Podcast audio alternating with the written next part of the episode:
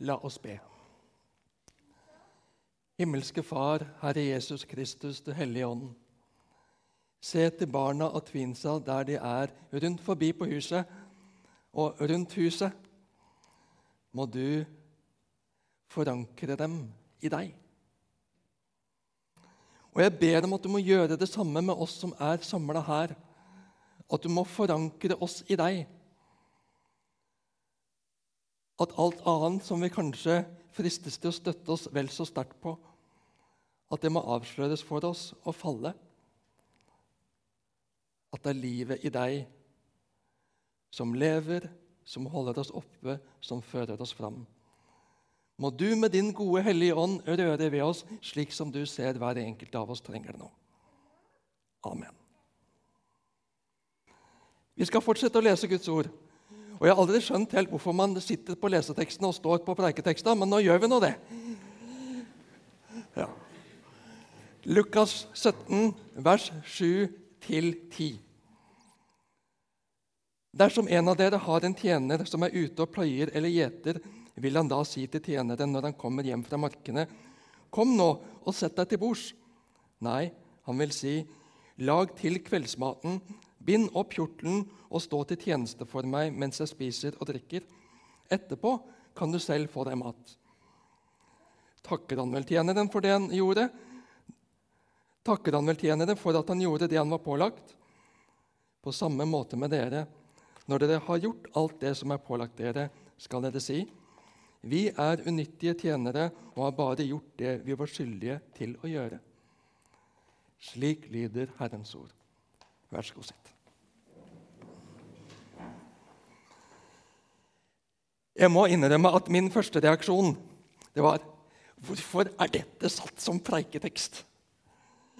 Og, første, og jeg fikk assosiasjoner til Øystein Sunde. Du må ikke komme her og komme her.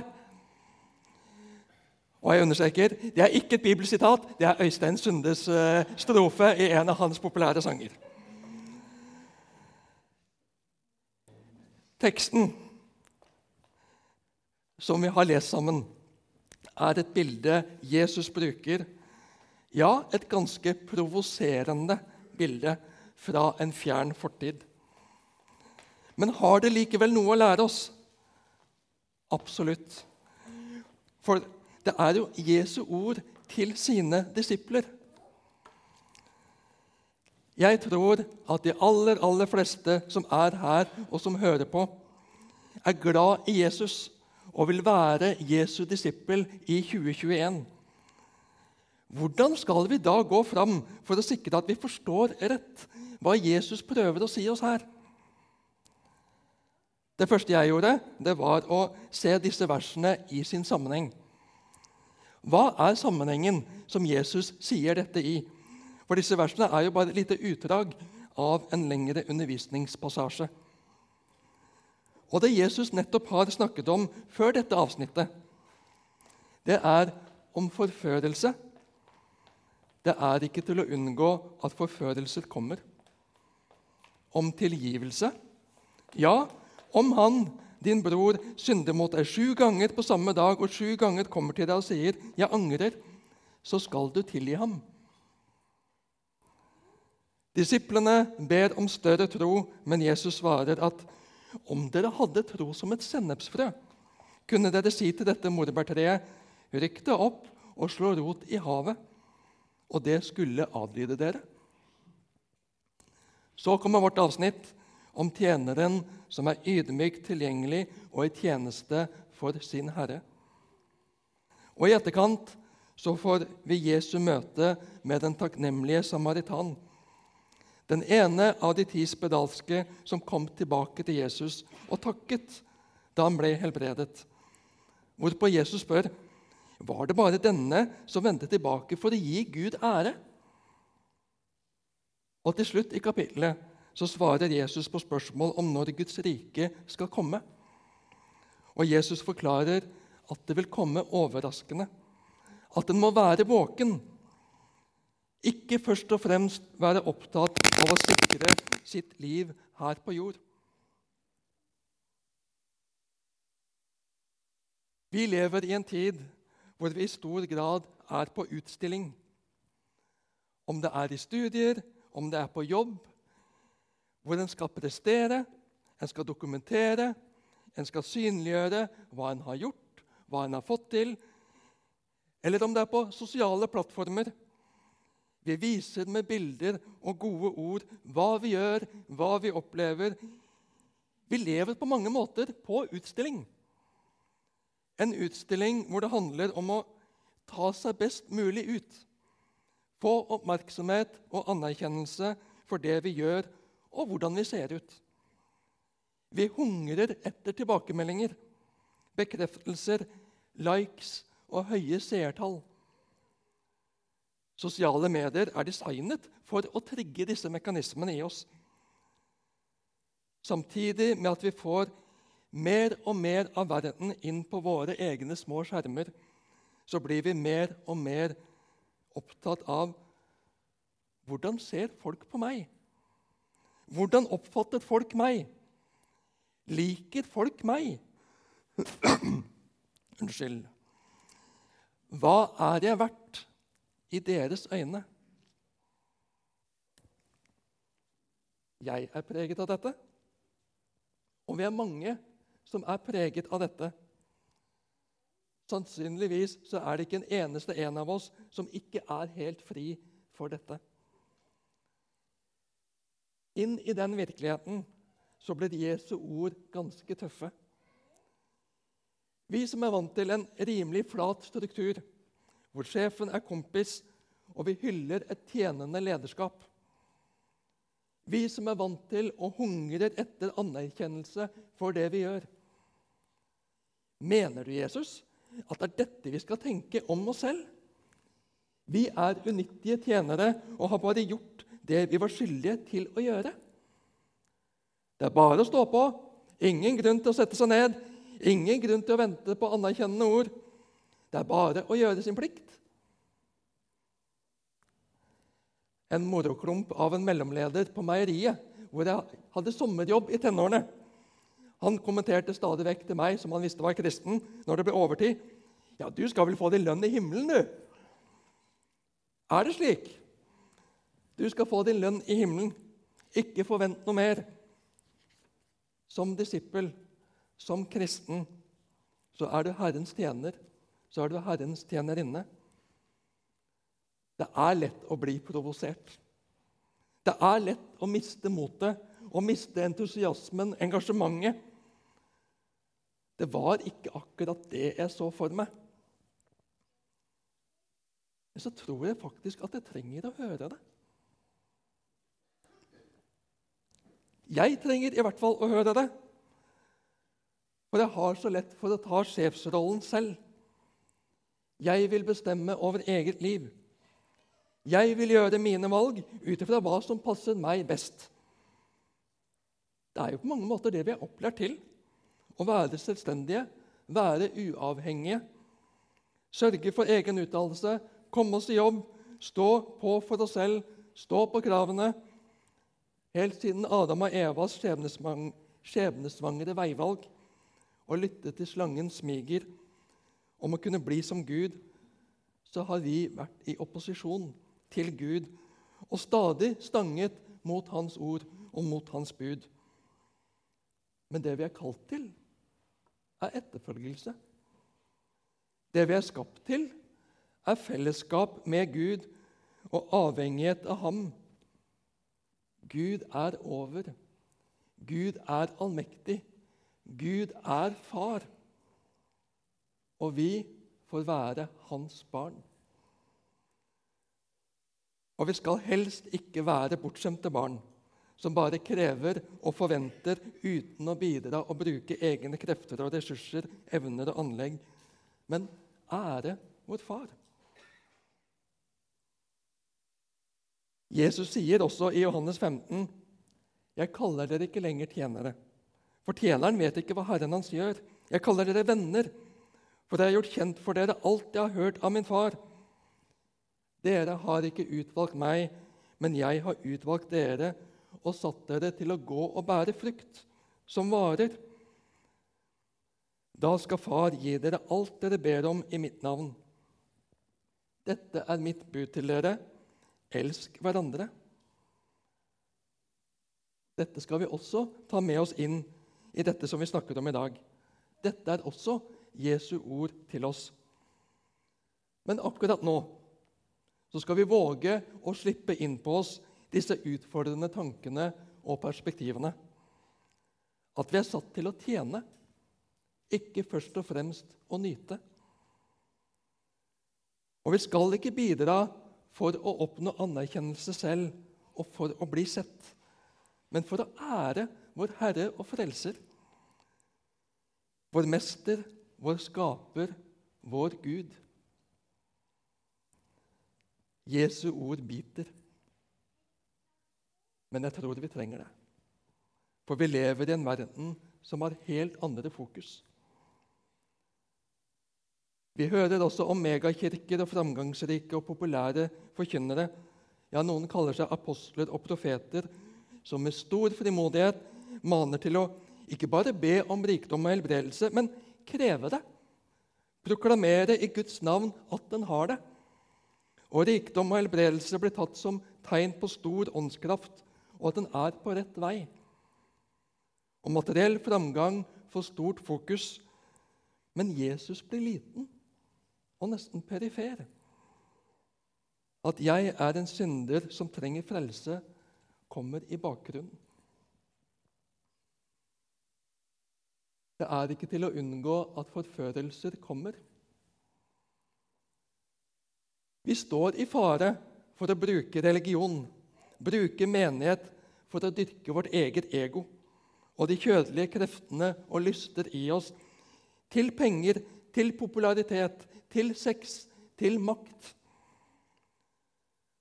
Når det slås opp i media om menighetsledere som har sviktet og misbrukt sin stilling, så grøsser vi. Vi blir skuffa, vi blir såra, vi blir vonbråten. La oss lære av deres feil, så vi ikke går i samme fella sjøl.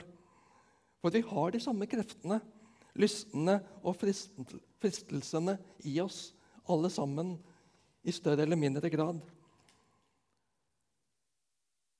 Vi hører om folk som verver seg til veldedig arbeid for noen måneder fordi det gjør seg så bra på CV-en. Det er fascinerende å se hvor mange av dagens artister som har bakgrunn fra menighet. Bakgrunn fra kor og lovsangsteam i menigheter. Og jeg blir begeistra når de våger å stå fram med et tydelig kristent vitnesbyrd. Fantastisk. Så er det Gud vi tjener først og fremst, ikke bane vei for egen karriere.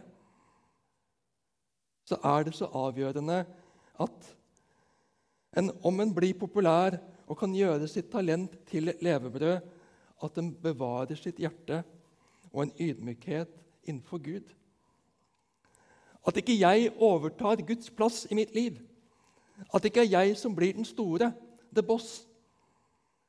Om det blir slik, da trenger vi en kjærlig nesestyver av Jesus som setter oss på plass, så vi ikke forlater nådeplassen. Guds barn-plassen, etterfølgerplassen. I ordspråkene 38-9 så leser vi Hold falskhet og løgn langt borte fra meg.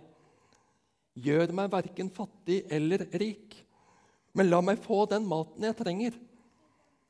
Ellers kunne jeg bli så mett at jeg fornektet deg og sa, Hvem er Herren? Eller bli så fattig at jeg stjal og krenket min Guds navn. Mitt selvbilde, hvor er det forankret? Hva er det forankret i? Er det hva mennesker synes om meg, eller hva Gud synes om meg og sier at jeg er? Når vi først og fremst blir opptatt av å kreve vår rett på en usunn måte Å komme oss opp og fram, så blir det vanskelig å tilgi de som har gjort urett imot meg, som angrer og ber om tilgivelse. For vi har lett for å samle på stikk som vi kan bruke mot mennesker ved behov. Som troende har vi fått en enorm makt. Vi er i besittelse av, av en sterk kraft. Troens kraft, åndens kraft. Vi kan i måten vi snakker på, misbruke den og binde mennesker. Jeg fikk så levende for meg at du skulle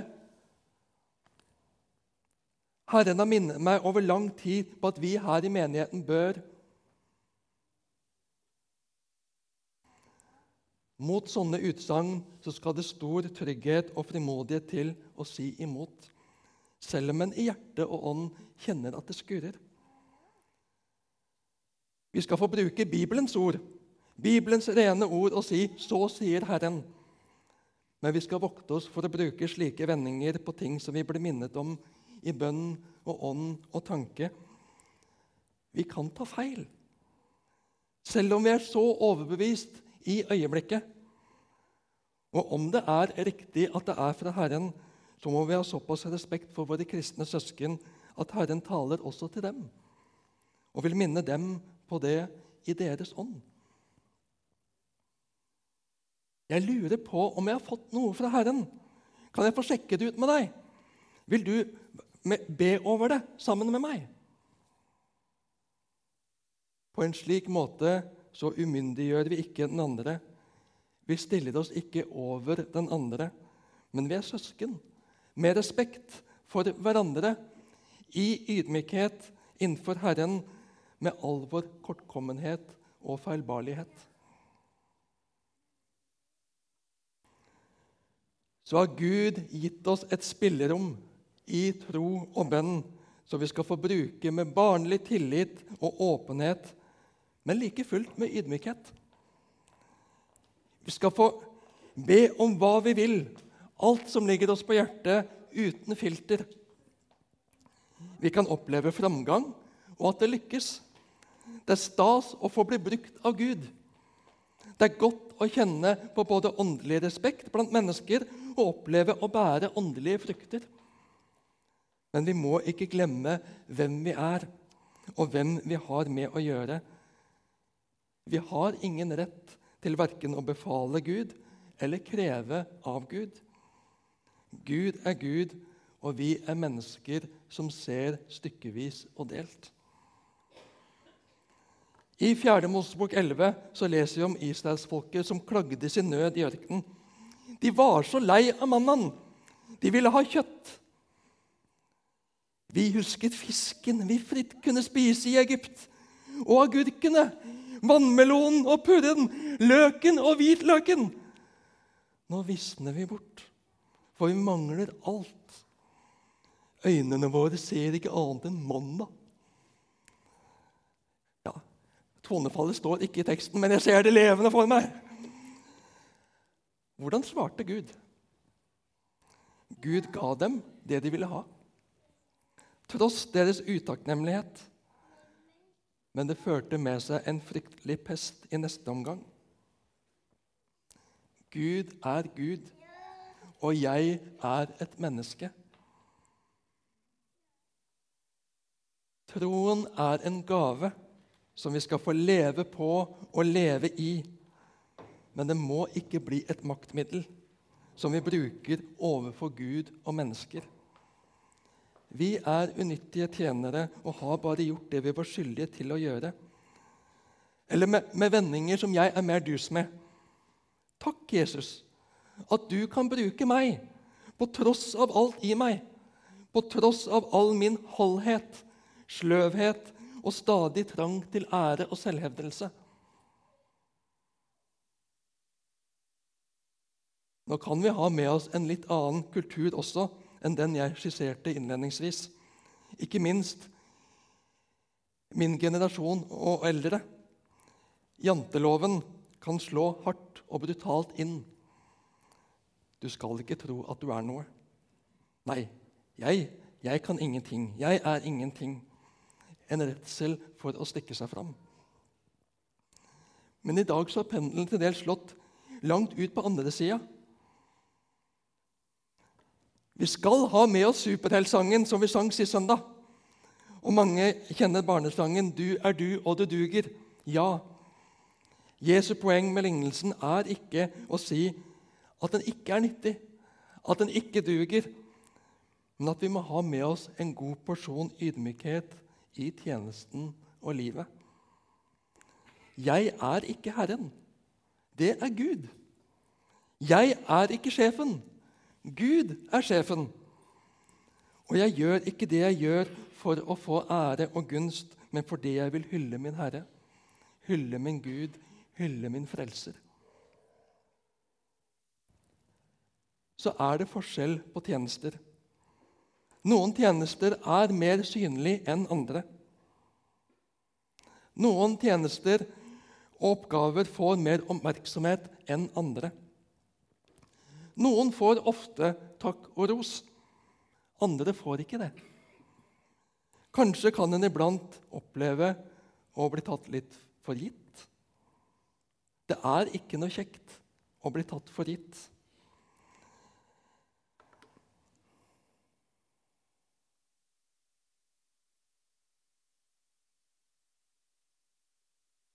Jeg vil si en hjertens takk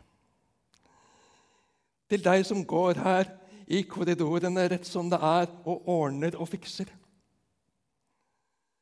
Som sørger for at det er kaffe i skuffen når det, når det skal være et møte.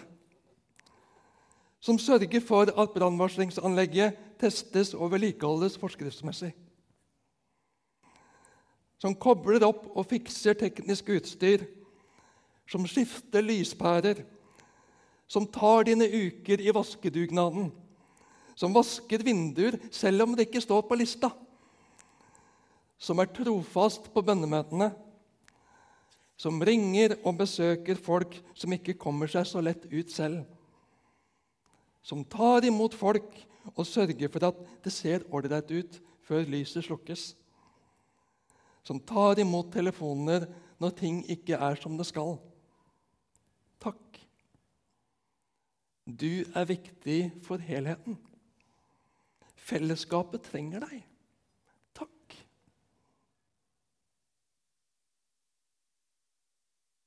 Samaritanen kom tilbake og takket etter at han var blitt helbredet fra sin spedalskhet. Ni av ti gjorde ikke det. At han anerkjente giveren, at han anerkjente helbrederen og mesteren, gjorde at Jesus fikk vise ham og gi ham enda mer. La oss ikke fanges av kravmentalitet og rettighetstenkning på slik måte at vi blir harde, pripne, og at vi ikke ser den frigjørende posisjonen som vi får stå i til vår himmelske Far. Han er på toppen. Han har myndigheten. Han har kontrollen. Jeg skal få være barnet i fars favn, men også få bruke alt han har gitt meg til glede både for ham og meg og de rundt meg.